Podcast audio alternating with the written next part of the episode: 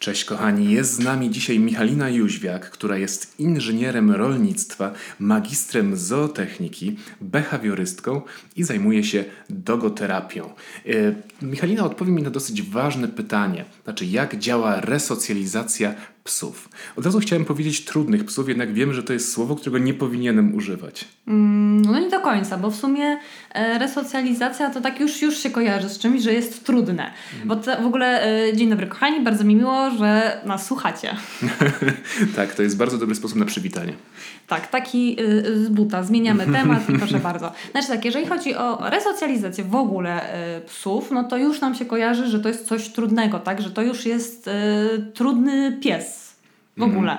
Więc y, czy, czy tutaj będzie słowo to trudne, czy nie, jakby dla mnie nie ma większego znaczenia i tak wiemy, o czym chyba mówimy.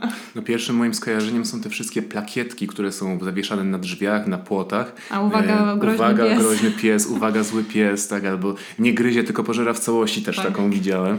E, I ma, rozumiem, ma słabe że, nerwy. rozumiem, że jakby celem takich zawieszek nie jest obrażanie psa, tylko zwiększenie bezpieczeństwa domu. Mhm. Ale przepisy też mówią o tym, że musisz jakby, mając e, posesję, musisz informować, że masz y, na posesji psa który mhm. może związać się z zagrożeniem, tak? Dla Aha. życia, zdrowia. A to nawet nie wiedziałem o takiej sytuacji. No z tego co pamiętam były takie przepisy. Mhm. Nie wydaje mi się, żeby coś się w tej kwestii zmieniło, ale no Patrząc, zwłaszcza patrząc po ilości tych plakietek żółtych, tak, na, na drzwiach y, czy ogrodzeniach, czy gdzieś, no to jakby dalej jest to rozpowszechnione. Mhm. E, I z jednej strony wydaje mi się, że to jest słuszne, tak, no bo jednak e, przychodząc w jakieś miejsce, no już dowiadujemy się, że jest pies, który niekoniecznie musi lubić obcych. Mhm. A może zacznijmy od pytania podstawowego: jakiego psa nazywamy trudnym? I dlaczego on trudnym jest? Wydaje mi się, że to też wszystko zależy od punktu widzenia, bo dla niektórych psem trudnym będzie taki, który ciągnie na smyczy, a dla kogoś innego psem trudnym będzie pies, który na przykład y, boi się wszystkiego, ucieka na widok y, na przykład y, krzesła, miotły, e, grabi, bo na przykład ma takie doświadczenia, że był wcześniej bity mm. i takie przedmioty źle mu się kojarzą. I wyprowadzenie takiego psa, żeby się tego nie bał, e, też zajmuje sporo czasu, trzeba dużo poświęcić e, swojego tak, czasu oprócz tego wiele musi być tak naprawdę też y, cierpliwości od takiej osoby, która pracuje nad takim psem, więc wydaje mi się, że to zależy od tego, y, kto jak to postrzega. Ale ogólnie wydaje mi się, z mojego punktu widzenia, psem trudnym jest y, pies taki, który ma bardzo dużo różnych złożonych problemów, czyli na przykład boi się obcych, e, jeżeli mieszka w mieście, no na przykład boi się e, autobusów, e, gania rowery, szczeka na ludzi, jakby multum tych wszystkich problemów, ponieważ to jest bardzo duży ogrom pracy, który trzeba włożyć w tego psa, żeby y, sprawić, żeby on przestał się tego wszystkiego bać. Czyli trudny pies nie jest z charakteru, tylko staje się przez to, przez traumy, które doświadczył. Też. Bo ogólnie na, y, jeżeli mówimy o psie problemowym, to wszystko jakby jest, y, to jak się zachowuje pies, to jest taki wierzchołek góry lodowej. Mm. Na całe jego zachowanie ma wpływ wcześniejsze doświadczenia, socjalizacja, jaką miał do tej pory, zwłaszcza ta w okresie szczenięcym jest bardzo ważna, mm. bo wtedy pies najlepiej wszystko jakby y, wchłania, przyswaja różne doświadczenia, na podstawie, nich, na podstawie ich się uczy, ale również ma tu wpływ genetyka.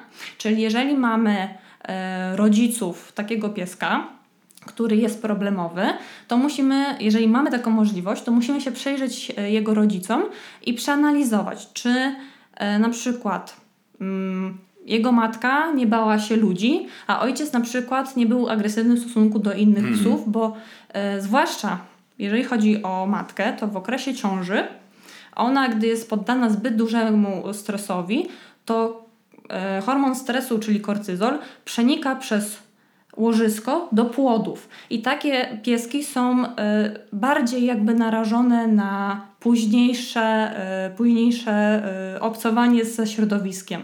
I tutaj jest takie dosyć spore jakby ryzyko, że właśnie piesek z takiej, z takiej ciąży, gdzie mama jest ciągle zestresowana i na przykład jest pieskiem bezdomnym i ciągle gdzieś ucieka, jest przeganiana.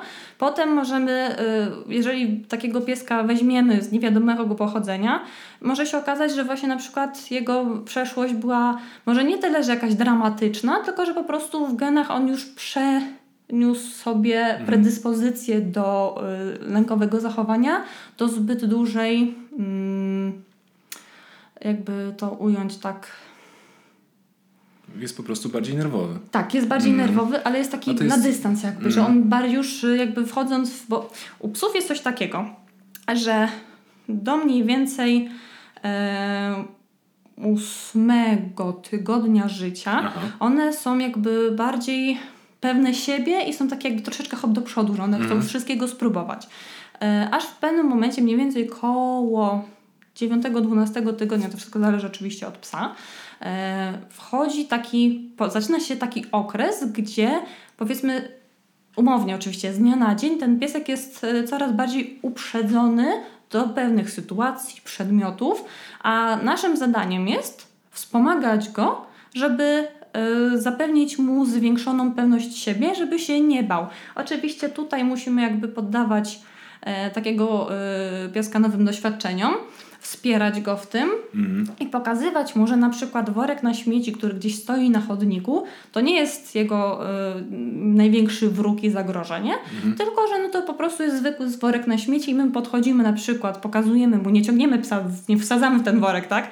E, podchodzimy na przykład, nie wiem, wiadomo, to jest worek na śmieci, więc nie chcemy tego ręką dotknąć, ale na przykład butem. Aha. I taki piesek podejdzie, obwącha my możemy go nagrodzić. Oswaja się z tym tak, tematem. dokładnie. Oswaja się z tym tematem. My go dodatkowo nagradzamy za to, że on jest dzielny, że tu podszedł, że wąchuje, że się nic nie dzieje, nie ucieka w popłochu i sobie spokojnie odchodzimy, idziemy dalej i jesteśmy w stanie jakby...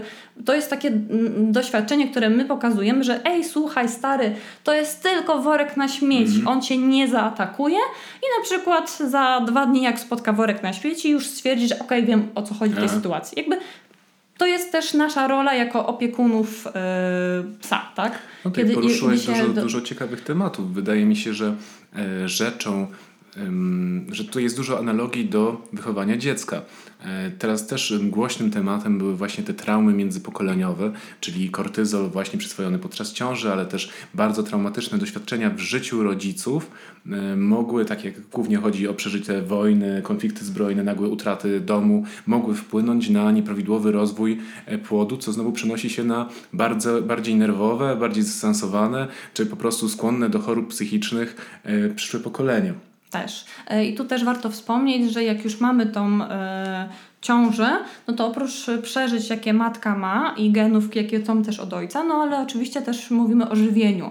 To też ma to wpływ, no bo im e, suka będzie mniej jadła i dostarczała składników pokarmowych do e, płodów, no to też ten płód będzie się gorzej rozwijał. Mało tego, jeszcze wracając tak do tego kortyzolu, to jeżeli y, suka w czasie ciąży ma zbyt dużo stresu, to potrafi poronić bądź wchłonąć te płody. Mm -hmm. Więc nawet dochodzi do czegoś takiego, gdy jest zbyt y, nerwowe y, środowisko. Mm -hmm. Rozumiem. A co do tego wprowadzania nowych rzeczy i oswajania z, z otoczeniem, to wydaje mi się, że mm, to jest też coś, co wymaga wciąż edukacji, bo z tego co wiem, y, może na takim przykładzie anegdotycznym, które wiem, że nie są dobre, ale jednak dobrze zobrazują o co mi chodzi. Znajomi mieli małego szczeniaczka, e, który bał się straszliwie rumby, czyli tego odkurzacza. odkurzacza. tak. I on do pewnego momentu przed nim uciekał, co było dla nich bardzo zabawne mhm. i, i rzeczywiście uwielbiali puszczać ten odkurzacz po to, żeby on tam przed nim zmykał. No ale jak podrósł ten pies i okazał się być agresywny nie tylko wobec rumby, ale większości takich nisko jeżdżących pojazdów, mniejszych pojazdów i tam... Kosiarka i tak dalej. Tak, tak, tak. I to stało się już wtedy rzeczywiście... Mm, mniej zabawne, kiedy ta reakcja nie była reakcją stresu, strachu, tylko reakcją agresji, mhm. no to już, już było gorzej, już chcieli tam jakoś zaradzić w ten sposób. Mówili, dlaczego on się tak zachowuje. Jednak korelacja pomiędzy jednym a drugim jest dosyć jasna. E, tak, zwłaszcza, że mały szczeniaczek, e, on jeszcze w pewnym momencie, jak póki jest szczeniaczkiem, to jeszcze nie ma zachowań agresywnych w mhm. sobie. Dopiero w czasie dojrzewania tego wybuchu hormonów i tak dalej, on gdzieś zaczyna próbować pewnych nowych doświadczeń. I właśnie w pewnym momencie też u psów jakby te zachowania agresywne, bo pies, który rzuca się na odkurzacz, on nie jest agresywny. On prezentuje swoje zachowanie agresywne, które wynika z lęku mm. przed tym odkurzaczem ponieważ y, no, on zawsze uciekał, bał się tego odkurzacza, więc kiedy on się zrobił pewniejszy siebie, ten testosteron w organizmie zaczął y, jakby wypływać coraz bardziej, on postanowił zastosować nowe techniki z repertuaru zachowań u psów, które y, jakby pozwalają mu pozbyć się częściowo tego stresu, nabrać trochę też pewności siebie, ale on jakby ten piesek wierzy, że jeżeli na przykład rzuci się do tego odkurzacza i go powiedzmy, nie wiem, będzie próbował wystraszyć swoim zachowaniem w postaci warczenia, szczekania, groźnej postawy ciała, że ten odkurzacz się przestraszy i jakby zniknie ze środowiska i on, mm. ten pies będzie E, poczuje ulgę, więc jeżeli w momencie, kiedy on poczuwa ulgę, też to zachowanie agresywne mu się wzmacnia i jakby uczy się, że takie zachowanie mu się opłaca, bo bodziec znika. znika. Mhm. Jednak jeżeli on ciągle jest jakby yy, wystawiany na ten bodziec w postaci odkurzacza, to tak naprawdę yy, on ciągle jakby musi pozbywać się tego bodźca, zamiast na przykład E, bo w tej sytuacji rozumiem, że od początku, e, jeżeli chcieli, no bo rozumiem, to było może zabawne w, w opinii opiekunów, że a mały piesek ucieka przed rumbą, jednak jeżeli na przykład chcieliby do tego podejść dosyć świadomie, przewidując, że mogą być problemy później, to no, trzeba by było zastosować habituację, czyli takie odwrażliwianie na bodźce. Czyli na przykład w tym przypadku odkurzacz, tak? Mhm. Że jeżeli mamy pieska, jest odkurzacz, my powiedzmy nie włączamy odkurzacza, on sobie po prostu stoi. Pozwalamy piesku podejść, pieskowi podejść, e, Ale piesku brzmi słodko. Hmm, ale niepoprawnie. Pozwalamy podejść, obwąchać, nagradzamy za spokojne zachowanie e, i na przykład e, pozwalamy psu odejść od tego odkurzacza tak? Czyli jest, y, jest bodziec, pozwalamy podejść do bodźca, zaznajomić się z bodźcem i nie narażać psa na bodziec cały czas, tylko mówimy pieskowi, że ej, słuchaj, tu jest fajny bodziec, nie masz się czego obawiać, ale ponieważ to jest dla ciebie duży stres, to chodź pójdziemy na przykład w inną część mieszkania czy tam domu Aha. i na przykład tam dostaniesz y, zabawkę i będziemy się bawić i w tym czasie na przykład można włączyć odkurzacz tak, żeby ten piesek jakby nie był narażony na dodatkowy mm. stres. Potem możemy wprowadzić, że na przykład y, gdy ten odkurzacz sobie chodzi, my mamy pieska w jakiejś odległości od niego i kiedy ten piesek na przykład zaczyna się interesować, patrzy na ten odkurzacz, my podajemy psiakowi smakołyk. Mhm. I uczymy go, że y, ten odkurzacz kojarzy mu się pozytywnie. Ze smakołykami chociażby, tak? Chyba, że to jest na przykład jakiś mały piesek, szczeniaczek, który lubi się bawić, no to się bawimy z nim przy tym odkurzaczu. Może nie nad odkurzaczem, tak? Ale mm. gdzieś w, w okolicy. E, czy szarpiemy się jakimś szarpakiem, czy piłką. I e, w ten sposób odwrażliwiamy pieska na pracę tego odkurzacza, który jakby no mm. tak czy siak będzie gdzieś tam po tym mieszkaniu chodził i pracował długo, długo, długo, tak? Bo to nie będzie kwestia jednego dnia, tylko kilku tak. lat. No to jest doskonała rada dla mm, właśnie adoptujących pieski rodzin, zwłaszcza, że jeszcze dzisiaj spotkałem się z artykułem, że jest coraz więcej adopcji i że e, jest e, przypływ mody na pieski, że psy to nowe dzieci. Nie zgodzę się z tym. Nie zgodzisz się z tym, że jest to trend? Znaczy nie zgodzę wydaje się, mi się, że ze statystyką że... nie, ma, nie ma tutaj co się nie zgadzać. Znaczy tak, jeżeli chodzi o... Czy to sformułowanie Ci się po prostu nie podoba? Sformułowanie, znaczy porównywanie, że y, pieski to dzieci mhm. jakby takie rekompensowanie sobie y, tym, że na przykład ktoś nie chce mieć dzieci, ale on ma psa, kota, y, jest takie trochę słabe, no bo wydaje mi się, że jeżeli ktoś nie chce mieć dzieci, tak? Bo mówimy o osobach, które nie chcą mieć dzieci, e, świadomie, to na przykład no, wybierają, wybierają to, tak? Mhm. I na przykład oni wolą y, w jakiś, z jakiegoś powodu wolą towarzystwo zwierząt niż na przykład dzieci, Aha. których mogą nie lubić, tak? Tak. E, są osoby też, które jakby nie mogą mieć dzieci, tak? No to rozumiem, że wtedy jakby przelanie tych uczuć na psa czy kota też nie jest dobre, bo najczęściej po prostu źle się kończy dla tych zwierząt. Mm. Bo te zwierzaki y, przez to, że patrzymy przez nie, na nie przez pryzmat dzieci, jakby takiego wychowania dzieci, e, często potrzeby takich psów, kotów są niezaspokajane. Mm.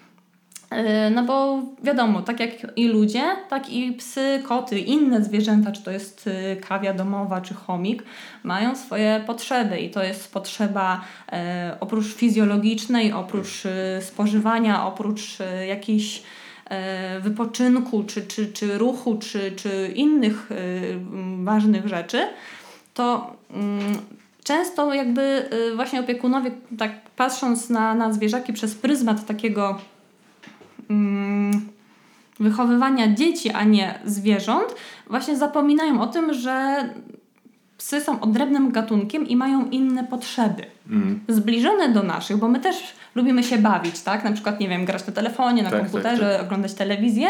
Mamy potrzebę ruchu. Mm. Jedni mają większą, drudzy mają mniejszą, ale to też jest potrzeba ruchu. Psy też mają potrzebę ruchu, mają potrzebę relaksu. Tak? Czyli na przykład psy, ym, łatwiej im się jest zrelaksować, gdy na przykład E, coś żują, coś gryzą. Aha. Więc jeżeli mamy szczeniaka na przykład... Są te wszystkie gryzaki. Są te wszystkie gryzaki, dokładnie. Więc jakby y, zapominamy czasem, że to zwierzątko też ma swoje potrzeby, a no, na przykład, no ja rozumiem, że są psy, które potrzebują być transportowane, na przykład w nosidełku, Aha. ale trend, że wsadzamy psa do torebki, chodzimy po galerii handlowej i idziemy na zakupy z takim psem jest dla mnie słaby. Bo to... No to jest problem, mi się wydaje, pomylenia o żywej istoty z akcesorium. Tak, dokładnie, dokładnie. I to też widać po decyzjach wielu osób, które e, dobrze działają z, z zwierzaczkiem e, przed kamerą, czy dobrze działają na zdjęciach, Ale a potem w życiu, tak, w życiu trochę gorzej. Słabo, I tak. też wybór zwierzęcia zamiast dziecka, no to dla niektórych może być właśnie takim substytutem dla zapełnienia tej dziury, gdzie piesek rzekomo czy, czy relatywnie nie zabiera tyle czasu i tyle pieniędzy, co wychowanie dziecka. Okej, okay, może Więc... jest faktycznie mniej wydatków, ale musimy pamiętać, że z psem czy kotem też musimy iść do weterynarza. Mm. To są coroczne szczepienia, e, obowiązkowe no na tak, ściepliznę i tak dalej. o tak? tym wymiarze emocjonalnym, że nie można obarczać tym, tymi wymogami emocjonalnymi, którymi normalnie obarczamy dziecko, e, psa czy, czy kota. Tak? Zwłaszcza, że tak jak i ludzie, na przykład nie wszystkie zwierzęta lubią bliski kontakt z człowiekiem. Mm różne charaktery są. Dokładnie. Poza tym też różne są potrzeby. E, tak jak już przed chwilą też mm. mówiliśmy, e, właśnie ta potrzeba bliskości też jest różna, bo jeden pies będzie lubił się przytulać, będzie się lubił głaskać, dawał brzuszek, a inny, jednemu wystarczy mm. sam fakt, że jesteś. Mm. Po prostu. Czy to nie jest też przyjemne? No, On oczywiście. się cieszy, że jesteś obok, w tym samym pokoju. No, oczywiście, cudo. tak, tak, tak. Ja osobiście jestem wielkim fanem psów i bardzo lubię obecność pieska, jednak nie lubię, kiedy nie, nie potrafię w ogóle sobie wyobrazić takiej sytuacji, gdzie pozwoliłbym na lizanie po mojej twarzy. I wiem, że to też jest taki temat kontrowersyjny, że część e, psiarzy uwielbia to, a inni są przeciwni. Ja nie lubię, ale jestem w stanie zrozumieć, że to jest takie, bo to jest takie infantylne zachowanie u psów. Mhm. E, również to jest taka komunikacja e, psiego języka w stosunku do nas. E, natomiast no jakby z z jednej strony ja na przykład swoim psom na to pozwalam, bo też rozumiem, że oni w jakiś sposób chcą mi coś zakomunikować. Mhm. Czyli jakbyś zinterpretowała takie zachowanie? Mm. Czy to jest całusek? Całusek niekoniecznie. W zależności od sytuacji. Mm. Tak odpowiem, no bo może być. Y, bo jeżeli przyglądamy się y, komunikatom wysyłanym przez psy do mm. nas, czy do środowiska, czy do innych psów, czy do innego zwierzęcia, nie wiem, typu kot, koń, krowa, y, czy do człowieka, musimy brać całość sytuacji. Czyli to, jak się zachowuje człowiek bądź inne zwierzę, to y, jak, w jakim środowisku się znajdujecie razem mm z mhm. psem, czy to jest na przykład park, gdzie jest bardzo dużo bodźców, bo są inne psy, bo są inni ludzie, bo są wiewiórki, jest mnóstwo zapachów, czy to jest mieszkanie, czy to jest na przykład komunikacja miejska. Jakby musimy odczytując sygnały, które wysyłają do nas psy, musimy brać pod uwagę nie tylko samo, sam fakt, że na przykład pies macha ogonem, mhm. bo to, że pies macha ogonem nie oznacza, że jest szczęśliwy. O nie, to było największe kłamstwo w takim razie, jakie wierzyłem. A widzisz, to masz szansę teraz się zrehabilitować. Mhm.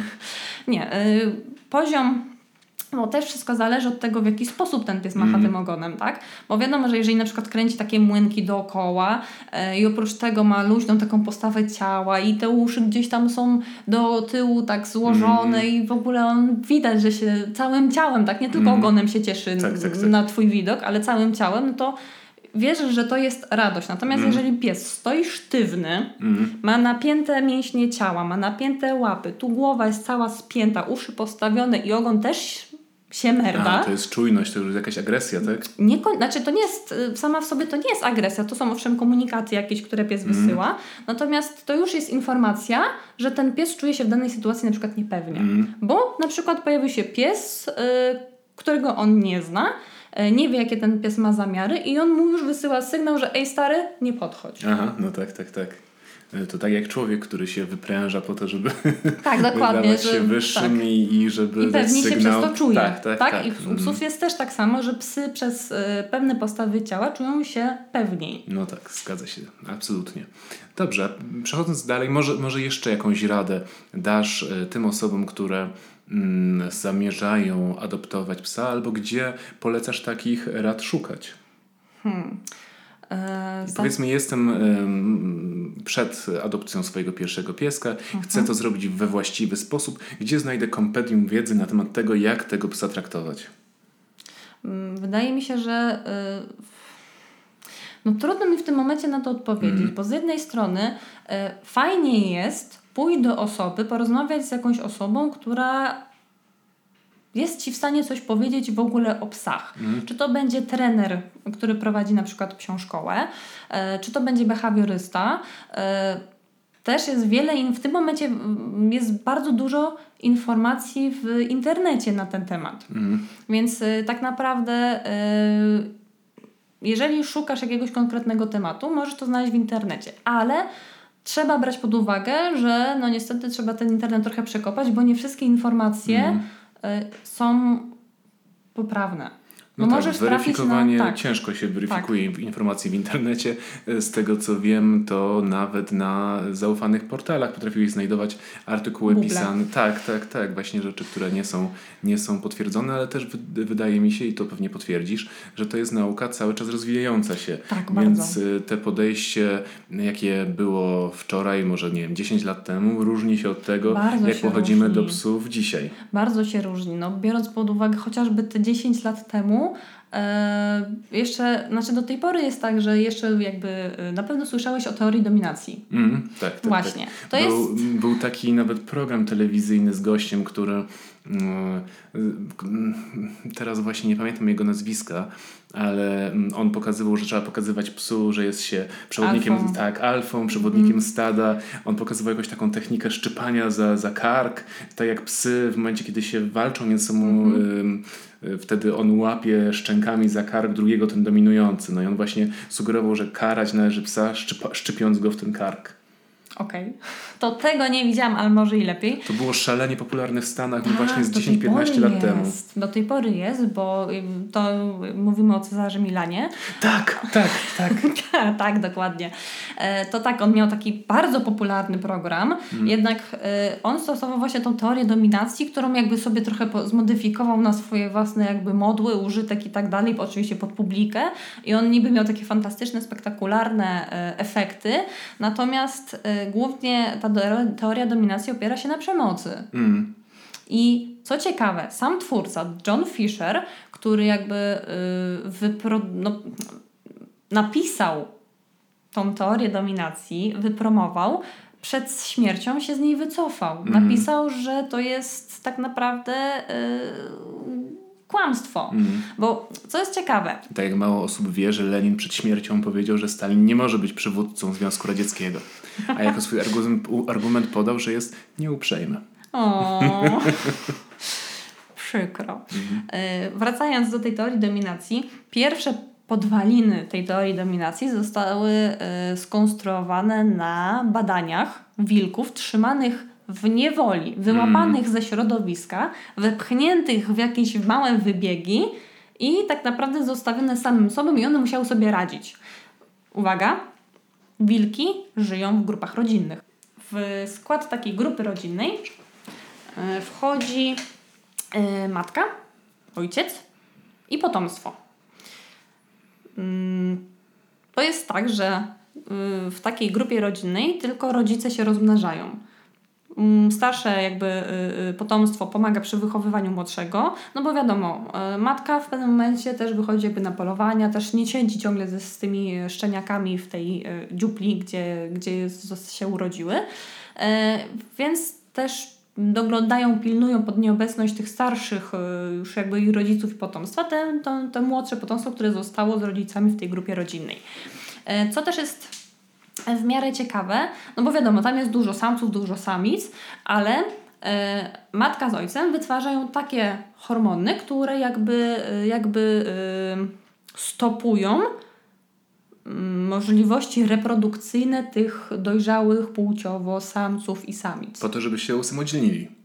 Nie, stopują. Oni się nie mm. rozmnażają. No ale stopują je po to, żeby w przyszłości się usamodzielnili, tak? Czy nie? Yy, też, ale nie do końca, bo to mhm. wszystko zależy jakby od tego, bo na przykład jeżeli yy, jakiś, jakaś dorosła samica przebywa dosyć często z dala od tej grupy rodzinnej, to hormony matki przestają na nią działać. Aha.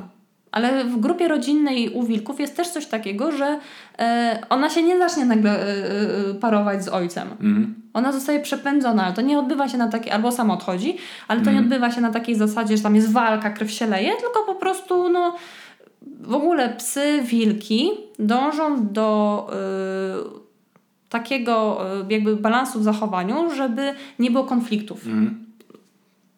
Dlatego wysyłają dużo sygnałów, tak? My na przykład osoby, które y, jakby nie e, nie interesują się y, psami, na przykład tych sygnałów mogą nie dostrzegać. Aha. Wiedzą, że prawda pies tam macha ogonem, y, że, że się cieszy niby wtedy, tak? Ale natomiast w międzyczasie pies może wysyłać tak dużo sygnałów i one mogą być tak subtelne, że osoba, taki laik może nie zauważyć tego. Mm. I tak samo jest u wilków.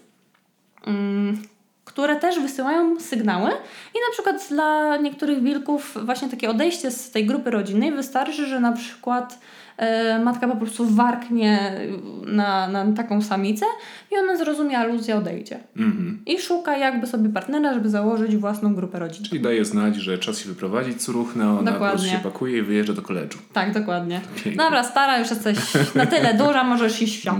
iść w świat. Albo się obraża i mówi, dobra, już nie chcę tak. z tobą. Dobrze, no to podoba mi się ta wizja, podoba mi się, że też to w bardzo przejrzysty sposób mi wytłumaczyłaś, bo Mam kiedy ja myślałem o wilkach, to nie myślałem o jakichś grupach rodzinnych, tylko w głowie miałem tą pędzącą przez ośnieżony step watachę. Tak, że jest samiec alfa, samica alfa i oni tam się gryzą, żeby był tak, porządek. Tak, tak, tak, no tak, tak troszeczkę to wyglądało w mojej głowie. No nie, ale, no, ale też pomyśl, moja wiedza jest szczątkowa na temat Pomyśl inaczej. Jeżeli wilki ciągle by ze sobą walczyły i by się tak zagryzały, to mm. ile by ich było? No tak, redukowałyby własną populację, ale też wizja jest była taka, w ogóle że... niekorzystne. Aha. Bo, znaczy okej, okay, wilki żyją na określonym jakimś takim dużym terytorium, które patrolują, ale jakby... Yy, w tym momencie przez różne polowania, wojny mm. i tak mhm. dalej, tych wilków i tak jest mało. Mm. Więc tak naprawdę e, odbudowanie tej populacji w tym momencie też jest pewnym wyzwaniem. E, I e, jakby. Mm, Wilki też jakby, no wiadomo, że jeżeli jest jakiś intruz na terenie, no to one go próbują przepędzić. Natomiast jeżeli, jeżeli na przykład między sobą miałyby walczyć, to tak naprawdę nawet te przekazywanie genów gdzieś by po prostu się mm po prostu gdzieś by w końcu zanikło, tak? Poza tym bardzo niekorzystne dla genetyki, dla przekazywania genów jest rozmnażanie się między rodzeństwem, tak? Tak, tak, tak. Więc jakby tu też, czy nie wiem, czy to matka z synem, czy ojciec z córką, jest to bardzo niekorzystnie genetyczne, dlatego jakby to też jest wyeliminowane. No i to są po prostu grupy rodzinne. Arystokracja coś o tym wie. Tak. niestety, niestety, jeśli coś było złego w przyrodzie, to wiadomo, że ludzie już to sprawdzili. Dokładnie. Dobrze, a powiedz mi, jak już mamy w takim razie tego trudnego psa, a może nie, bo jeszcze nie doszliśmy do tego y, ostatniego, czy jeszcze jest jakaś rada, którą chciałabyś dać mm, osobom, które właśnie adoptują psa, które powinny się czegoś dowiedzieć, a co powiedzmy jest informacją nieoczywistą, albo tak oczywistą dla ciebie, a nieoczywistą dla osób adoptujących?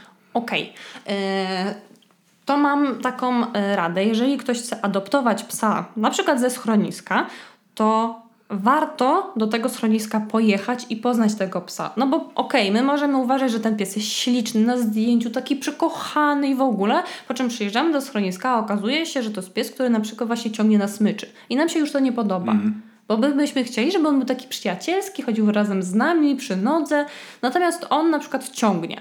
E, jeżeli na przykład mamy taką możliwość, zapytać się, czy wolontariuszy, czy osób, które się opiekują tym psem, e, jak on w ogóle się zachowuje, czy na przykład jeżeli behawiorysta pracuje w schronisku, co też jest bardzo fajne, bo może akurat opiekuje się tym psem i jest w stanie nam przekazać dużo informacji na temat tego psa, czy jak z nim pracować, czy ma jakieś problemy właśnie behawioralne, e, czyli tak naprawdę poznać psa, zebrać o nim jak najwięcej tych informacji i zastanowić się, czy akurat takiego psa szukamy. No bo to jest też tak, że jeżeli na przykład pies wymaga dużo pracy, a my nie mamy za dużo czasu, żeby mu aż tak poświęcić, to czy to jest dobry pomysł brać takiego sobie psa na głowę? Bo on się męczy, my się męczymy i tak naprawdę y, rodzi się tak duża frustracja, że y, no, kończy się to różnie, tak? Czyli włożyć trochę czasu w poznanie psa, zanim się go zaadoptuje. To jest zwierzę, który będzie z nami ileś lat. Mm. Tak? Zwłaszcza jeżeli na przykład bierzemy psa młodego, nie mówię, że szczeniaka, ale na przykład rocznego, dwuletniego, trzyletniego. Jeżeli to jest na przykład pies, który będzie zdrowy, no to równie dobrze jak weźmiemy 5-6-letniego psa, może jeszcze pożyć 10. Mhm. To jest kupa czasu. Tak? Dla nas się może wydawać, a 10 lat to może mało, ale jednak. I trzeba 10 się lubić. I trzeba się lubić. Mm. Więc 10 lat to jest, no, dla takiego psa to jest bardzo dużo, a 10 lat życia w frustracji nikomu na dobre nie wchodzi. Jasne. Czy to pies, czy to człowiek. A jak już mamy tego trudnego pieska, może inaczej, od drugiej strony. Yy, Na samym początku naszej rozmowy powiedziałaś mi, że zajmujesz się trudnymi psami, bo to są twoje ulubione przypadki. Skąd wzięła się w tobie taka, taka miłość do trudnych psów? To nie jest miłość, ale już jakby przyzwyczajenie. Aha. E, bo od drugiego. Czy może to misja? Nie jestem pewna, czy to jest taka misja, bo po swoim drugim psie, którym był ultra trudny yy, i wziąłam kolejnego psa, który okazał się, że też ma pewne problemy, miałam dosyć. Przychodzi taki moment, że wiesz, że masz jednego psa, z którym jest multum problemów, że ciągle pracujesz, ciągle pracujesz i na przykład efekty są niewielkie, bo daje ci malutkie kroczki do przodu, ale chciałbyś już być gdzieś dalej. Masz drugiego psa, który jest ok i nagle się okazuje, że też ma jakiś problem, nad którym trzeba pracować. Plus masz jeszcze na przykład, no tak jak ja prowadzę konsultacje behawioralne, to też jeszcze masz. Yy, jeździsz do osób, które też mają problem z innymi psami i też się tym przejmujesz, tak? Mhm. No bo tobie też zależy na tym, żeby osoba, która ma tego psa, była zadowolona z tego, że ma tego psa, tak? Że ten pies też jest szczęśliwy z tą osobą. Więc yy, za dużo stresu. Mm. Rozumiem. A powiedz mi, jeśli już ktoś decyduje się na wzięcie psa trudnego, psa z problemami, psa agresywnego bądź e, bojaźliwego, jak radzisz postępować? E, Bo rozumiem, że nie chcemy e, tego psa porzucać, nie chcemy rezygnować z tej walki, tylko chcemy coś z tym zrobić. Czy polecasz w tym momencie pójść do behawiorysty, czy jak, jaki jest proces tego działania? Wszystko zależy od przypadku, nad jakim pracujemy. Bo jeżeli na przykład to jest pies, który ma jakieś niewielkie problemy, e, znaczy tak, jeżeli nie, nie znamy się, w ogóle nie wiemy za dużo o psach e, i bierzemy sobie e, psa, który faktycznie wykazuje pewne problemy, zawsze warto się zgłosić do behawiorysty, bo po to my jesteśmy tak naprawdę, tak, żeby rozwiązywać te problemy, żeby pomagać i psom, i ludziom, żeby im wspólnie żyło się lepiej. Tak, żeby każde, no bo my jako ludzie też wiemy, y, czego my wymagamy od siebie, od zwierzęcia, natomiast pies, jeżeli my mu nie mówimy jasno, o co nam chodzi, on nie będzie umiał nas czytać. Musi być komunikacja w obie strony. Tak? Czyli jeżeli my na przykład wiemy, że nasz pies boi się wchodzić do windy, to nie wpychamy go na siłę te, do tej windy, tylko na przykład stopniowo przyzwyczajamy, że ta winda jest, tak? Że te drzwi się otwierają, zamykają. e, I na przykład, jeżeli jest to mały piesek, jesteśmy w stanie go wziąć na ręce, jeżeli na przykład nie, umie, nie może schodzić po schodach i zejść na dół. Jeżeli na przykład jest to pies większy, no to schodzimy schodami. Okej, to jest wysiłek, ale jeżeli wepchniemy raz, drugi, trzeci do tej windy, to w pewnym momencie pies nam się zaprze i nie będzie chciał wychodzić. Mhm. Tak? Bo on będzie sobie kojarzył, że jak wychodzi na spacer, to najpierw jest ta straszna winda. Tak. Więc y, no tutaj musimy też jakby. Znaczy tak, jeżeli ktoś y, y, chce wziąć psa i widzi, że sobie na przykład z tym psem nie radzi, albo to są problemy, które go przerastają i nie jest w stanie sobie z tym poradzić, zawsze warto jest zwrócić się do behawiorysty, no bo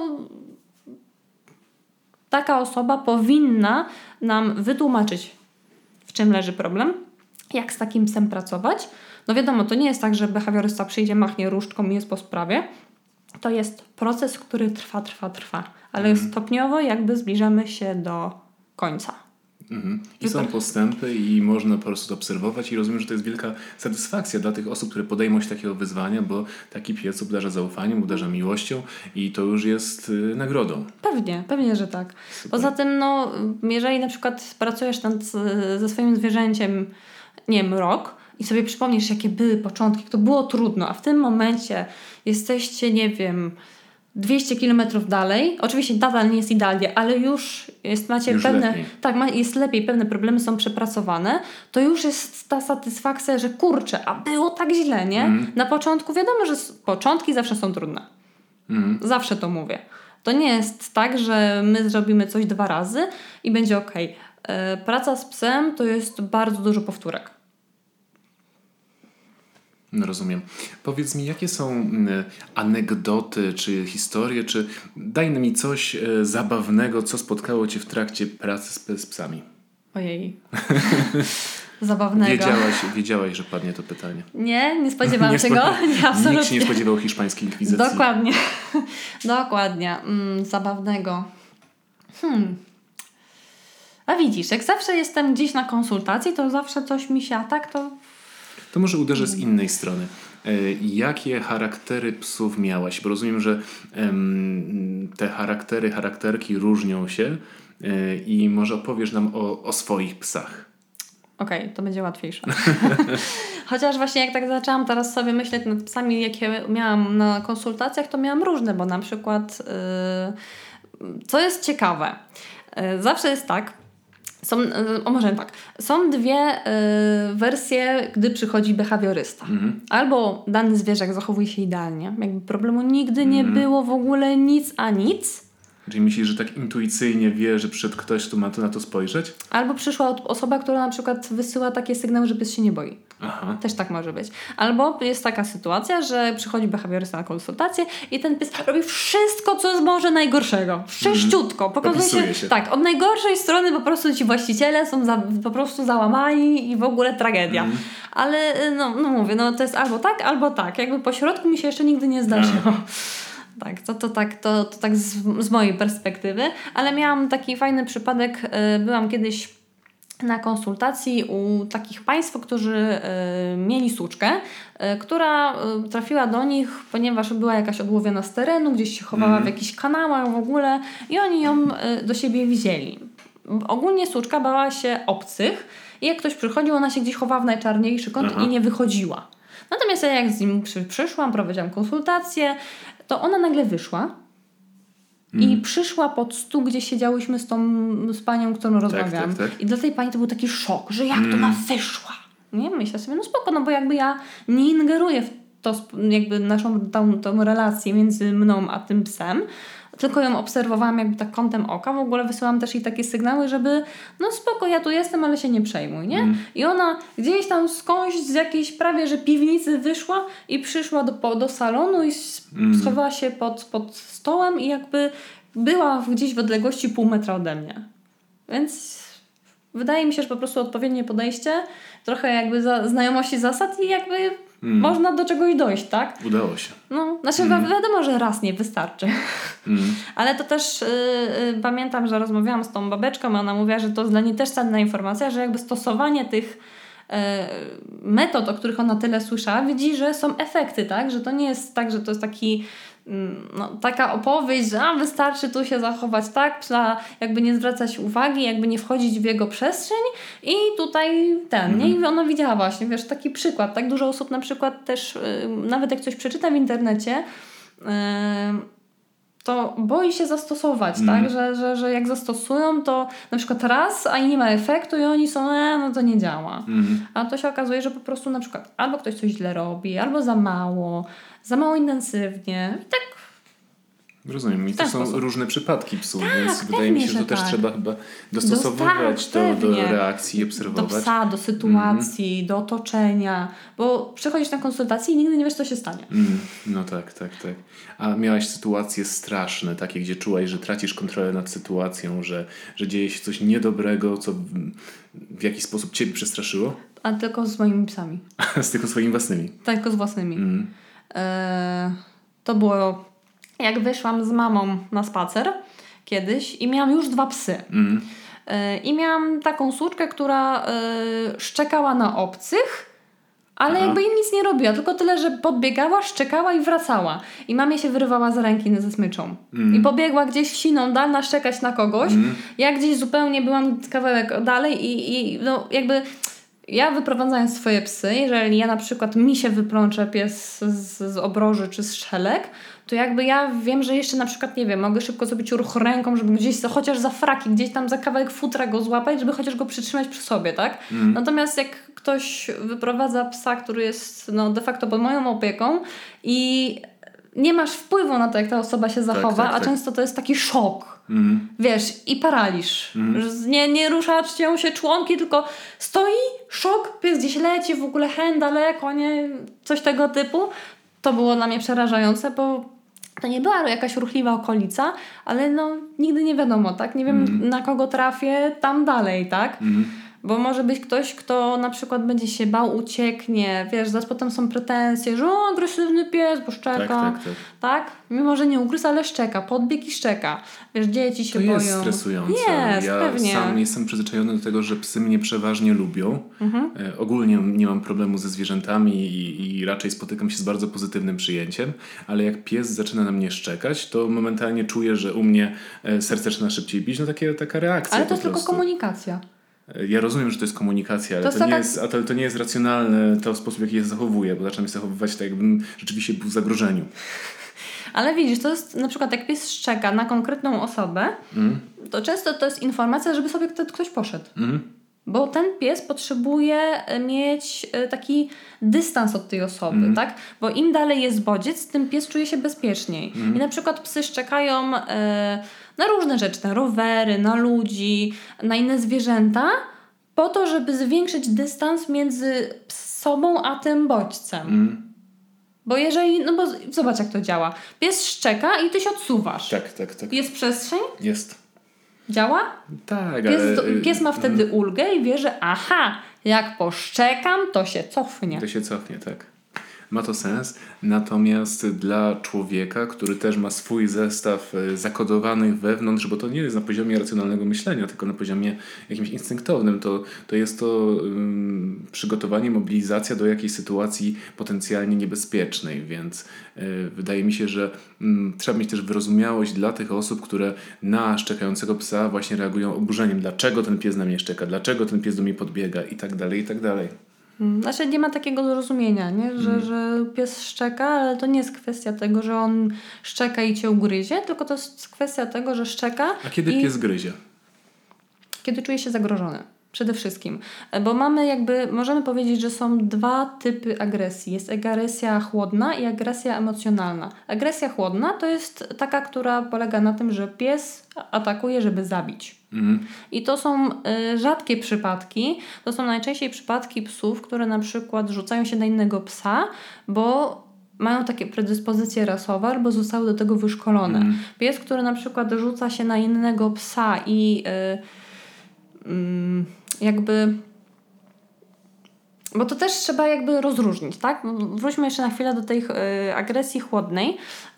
Na pewno słyszałeś o tych wszystkich psów, psach typu ból i tak dalej. Mhm. No właśnie, one, ich jakby taka historia stworzenia tych ras były po to, żeby one miały walczyć między sobą. Tak. Miały zagryźć tego drugiego, żeby przetrwać. I to jest coś, co już nie istnieje, z tego co wiem. Już nie ma takich e, Y, walk walki w krajach psów, y, cywilizowanych przynajmniej. Walki psów są ogólnie nielegalne, natomiast ym, daleko nie musimy szukać. Mamy obok Białoruś, Ukrainę i Rosję. Mm. Tak? Afganistan i te wszystkie inne e, kraje trzecie dla nas. E, I tam no jakby nie patrzeć, Unia Europejska swoimi przepisami, czy mm, jakby jakimiś mm, tak, rozporządzeniami regulacjami. nie ma, nie ma wpływu za specjalnie, więc tak naprawdę mm, jakby walki psów w ogóle zwierząt yy, no, dalej się gdzieś odbywają, tak? To, że na przykład nie ma ich w Polsce, to super, no ale na przykład jak już poszukamy dobrze w Rosji, na pewno znajdziemy. No tak. No to, to jest przepraszam, to, to, to ktoś do mnie pisze. A to dobrze, to znaczy, że Mm. Ale też może być sygnał do tego, żebyśmy powoli zbliżali się do konkluzji naszej rozmowy. już tak szybko?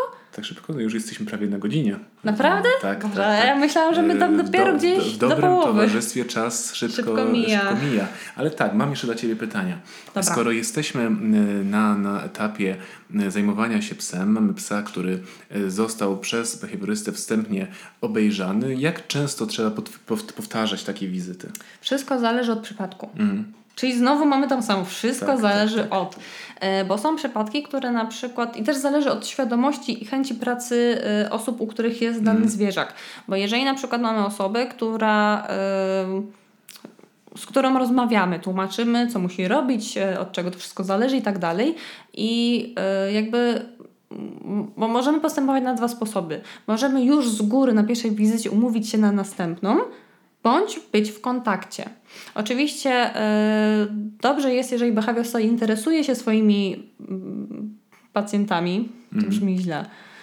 Nie wiem, pacjent to jest słowo nacechowane czułością dla mnie, więc niech nie, będzie. ma, nie ma w tym nic złego. Okej, więc y, jeżeli na przykład interesuje się swoimi pacjentami, pyta się, jak idą postępy y, i na przykład dopytuje się, czy może w, Pomóc, po, jest tak? jakaś potrzebna pomoc albo na przykład wyjaśnienie czegoś, to wydaje mi się, że to jest bardzo fajne, no bo też angażuje i tą osobę i też jakby zachęca osobę, która ma pod opieką psa, żeby jednak spróbować, żeby jednak się Mhm. angażować. Więc wydaje mi się, że to jest, y, to jest y, bardzo fajne.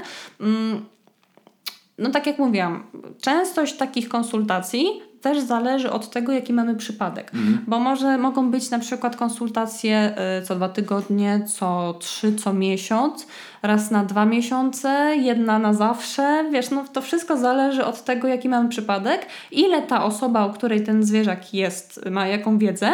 E, no i od samego psa. Czy to jest faktycznie ciężki przypadek, czy na przykład jest to y, y, szczeniak i na przykład te osoby mają pierwszy raz szczeniaka i na przykład nie wiedzą, że pies gryzie, bo wymienia zęby e, z mlecznych nastaw i po prostu trzeba dać mu jakieś gryzaki, na których on będzie mógł gryźć, no bo go to wszystko swędzi, nie? No tak. To jak cię ugryzie komar, też się drapiesz. Mm. No staram się nie, bo już wiem racjonalnie, że to nie jest najlepsze, aczkolwiek pasywnie przez sen nawet potrafię. Tak. Jak się Od- zamyślisz, też się gdzieś tam... Tak, tak, tak, to prawda. E, mm, ale od razu, jak tylko o tym powiedziałaś, mm, podświadomie Kwestia. sięgnąłem do, do, do miejsca na udzie, gdzie byłem niedawno ugryziony. E, a powiedz mi, jaki los czeka, może ku przestrodze spytajmy, te pieski, których nikt nie chce albo które są regularnie oddawane, ponieważ e, ludzie sobie z nimi nie radzą. Zakładam, że takie też występują. Takie też są. E, ostatnio nawet e, czytałam gdzieś e, na niebieskim portalu społecznościowym e, informację, że jakiś e, psiak wrócił trzeci raz z adopcji Mm, po tygodniu. Mm, I wydaje mi się, że to jest bardziej kwestia tego, że pies może ma jakieś problemy. No mówmy się, każdy z nas ma jakieś problemy, nikt z nas nie jest idealny, ale wydaje mi się, że to jest może kwestia tego, że na przykład ludzie biorą psa i nie zdają sobie sprawy właśnie, że z tym psem, psem trzeba się jakoś w odpowiedni sposób zająć, tak? Że na przykład jeżeli pies, yy, nie wiem, no... nie dogaduje się z dziećmi, na przykład się ich boi, na nie szczeka, no to trzeba w jakoś racjonalnie do tego podejść, tak? A dzieci potrafią być bardzo okrutne dla zwierząt. koszmarnie okrutne, więc jakby no, bo wiesz, no, ciągną za uszy, za ogon, wkładają palce w oczy, rzucają kamieniami, patykami, piachem, no to nie jest przyjemne. Ty byś chciałby tak ob- obrywać ciągle, też byś się stał agresywny. Więc nie dziwmy się też, że zwierzaki reagują, to nie Tak, to są za maskotki. takie jedno z, y, wspomnienie takich traumatycznych z dzieciństwa moich, że jak miałem 5, może 6 lat, pamiętam, że chłopcy starsi, czyli nie wiem, w wieku 8, 12, mniej więcej niż 14, złapali jakiegoś kota i go malowali sprayem, którego gdzieś znaleźli. Wow. I y, ja byłem za mały, żeby się sprzeciwić, ale pamiętam, że, no bo byłem pięciolatkiem, sześciolatkiem, ale pamiętam, że to była wielka uciecha dla tych wszystkich y, na, na podwórku, więc no, są takie przypadki y, takiego jakiegoś zwyrodnienia, chociaż może nie tyle zwyrodnienia, co braku edukacji, bo... y, I empatii takiej. tak, no. tak, Bo tak. wiesz, no bo już skoro wyżywają się na biednym kocie, to jakbyś im stanął i się sprzeciwił, Mhm. to byś też oberwał. Tak, tak, oczywiście. Wydaje mi się, że ten brak edukacji tego, że to jest myślące zwierzę, czujące zwierzę, że, że ten jego przerażenie i ból to nie jest jakaś abstrakcyjna rzecz, y, tylko to jest y, tak samo jak, jak u ludzi. I takie jeszcze pokłosie trochę podejścia z dawnych lat, że zwierzę jest przedmiotem w posiadaniu gospodarza. E, No, Tak, że nie- ono jest mhm. po to, żeby na przykład odstraszać złodziei, Mhm, nie? tak. Krewa, krowa jest po to, żeby dawała mleko i mięso, a pies jest po to, żeby, Tak, pilnował wejścia. mhm. No tak, tak. I, I też to jest jedna z takich anegdotycznych rzeczy, którą kiedyś przekazała mi e, babcia wychowująca się na wsi, że, że były takie sytuacje, że jak pies był stary, to po prostu brało się strzelbę i, i, i się załatwiało sprawę, bo on już nie spełniał tej funkcji, prawda? Mm, bo już nie szczekał. Bo już nie szczekał, bo już nie odstraszał, bo już nie, e, nie chronił tam. Weszliśmy na jakieś przykre tematy. Przykre, ale wydaje mi się, że też warto o tym powiedzieć. Warto Nie, no powiedzieć o pewnie, tym, że że tak. nie wolno dawać zwierząt jako prezentu, bo Tak. nigdy nie wiadomo, czy to się nie znudzi. To musi być świadoma decyzja, Poza, decyzja. I nie bierzemy psów dla dzieci, Mm, bo za psa odpowiada osoba dorosła, mm. tak? A dziecko, y, nie możemy jakby też ulegać wpływowi, że dziecko chce psa. Musimy edukować, tak jak powiedziałeś, że dziecko też powinno być jakby To w jakim wieku według Ciebie y, młody dorosły może się zająć zwierzęciem? mm, młody dorosły. Zakładam, że młody dorosły. Znaczy, y, wydaje mi się, że no, ja wiem. Wszystko chyba zależy też od, y, od dziecka, tak? Jakie ono jest, bo jeżeli na przykład jest takie, że ma po takie poczucie obowiązku, to y, no nie wiem, no dawanie jeść, zmienianie wody, no to jakby może już nawet dziecko dziesięcioletnie robić, tak? Bo ja nie jestem za tym, żeby dzieci w wieku 8, 6, 7, 12, 14 lat wyprowadzały psy same na spacer. Bo zwłaszcza jeżeli mają duże psy.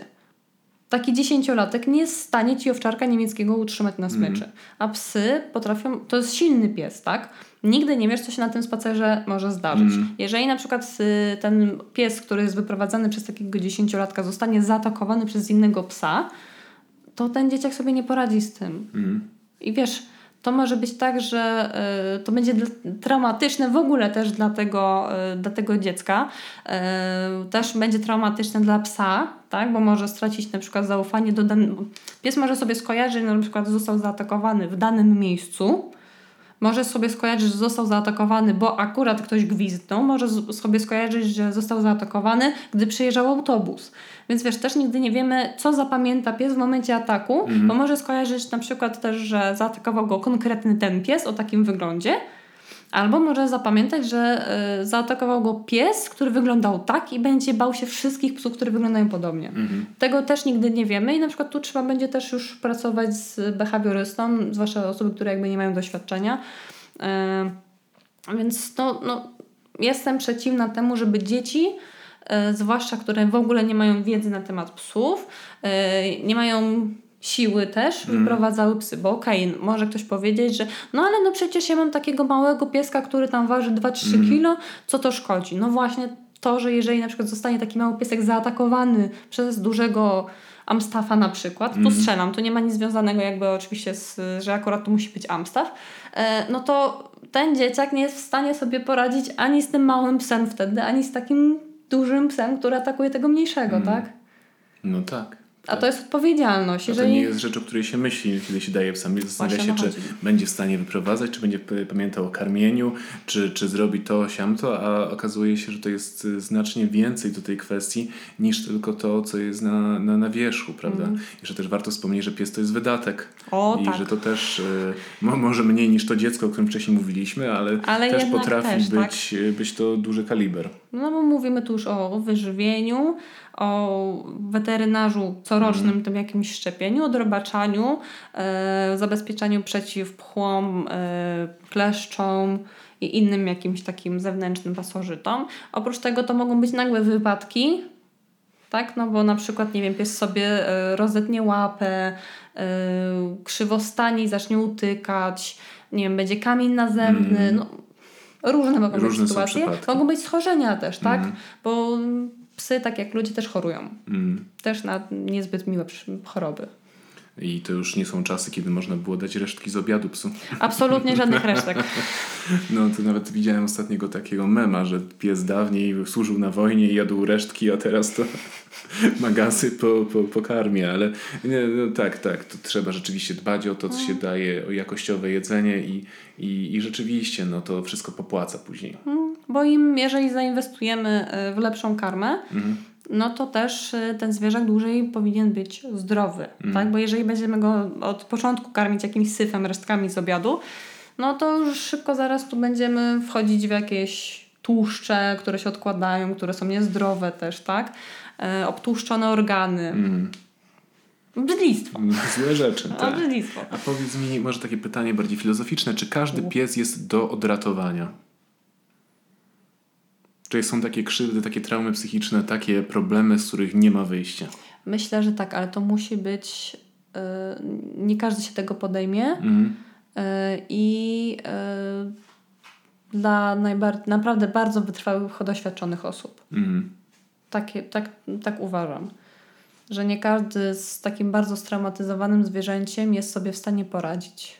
To już naprawdę trzeba się temu oddać. Dlatego bardzo chętnie zostawię na Ciebie namiar tutaj, więc powiedz mi, gdzie można Cię znaleźć, na jakich są platformach, gdzie y, ktoś może, bo rozumiem, że jako e, behawiorystka zwierzęca działasz aktywnie i ktoś może się zgłosić albo po poradę, albo się umówić na konsultację. E, to można mnie znaleźć na Instagramie oraz na Facebooku. Mm. Na Instagramie pod kątem e, Kanapowy Team, mm. a na Facebooku na kanapie siedzi pies. Oprócz tego również zapraszam na swojego bloga na kanapie siedzi pies.pl. Gdzie są różne ciekawostki, historie, zdjęcia? Wszystko. Wszystko. Znajdziesz tam wszystko. Wszystko, dokładnie. to już było trzeba wymienić przy tym, jak pytałem o najlepsze kompendium wiedzy. Nie, bo ja tam się dzielę też z naszymi wyjazdami, nie mm. tylko wiedzą jako taką stricte, e, stricte behawiorystyczną, mm. chociaż oczywiście tam... Element lifestyle'u jest. Tak, mm. tak, no musi być. Mm, rozumiem, rozumiem, absolutnie. Sama wiedza jest nudna, trzeba mieć rozrywki jeszcze. Serdecznie dziękuję Ci, że miałaś ochotę wpaść na, do mojego podcastu. To ja również dziękuję. Dzięki.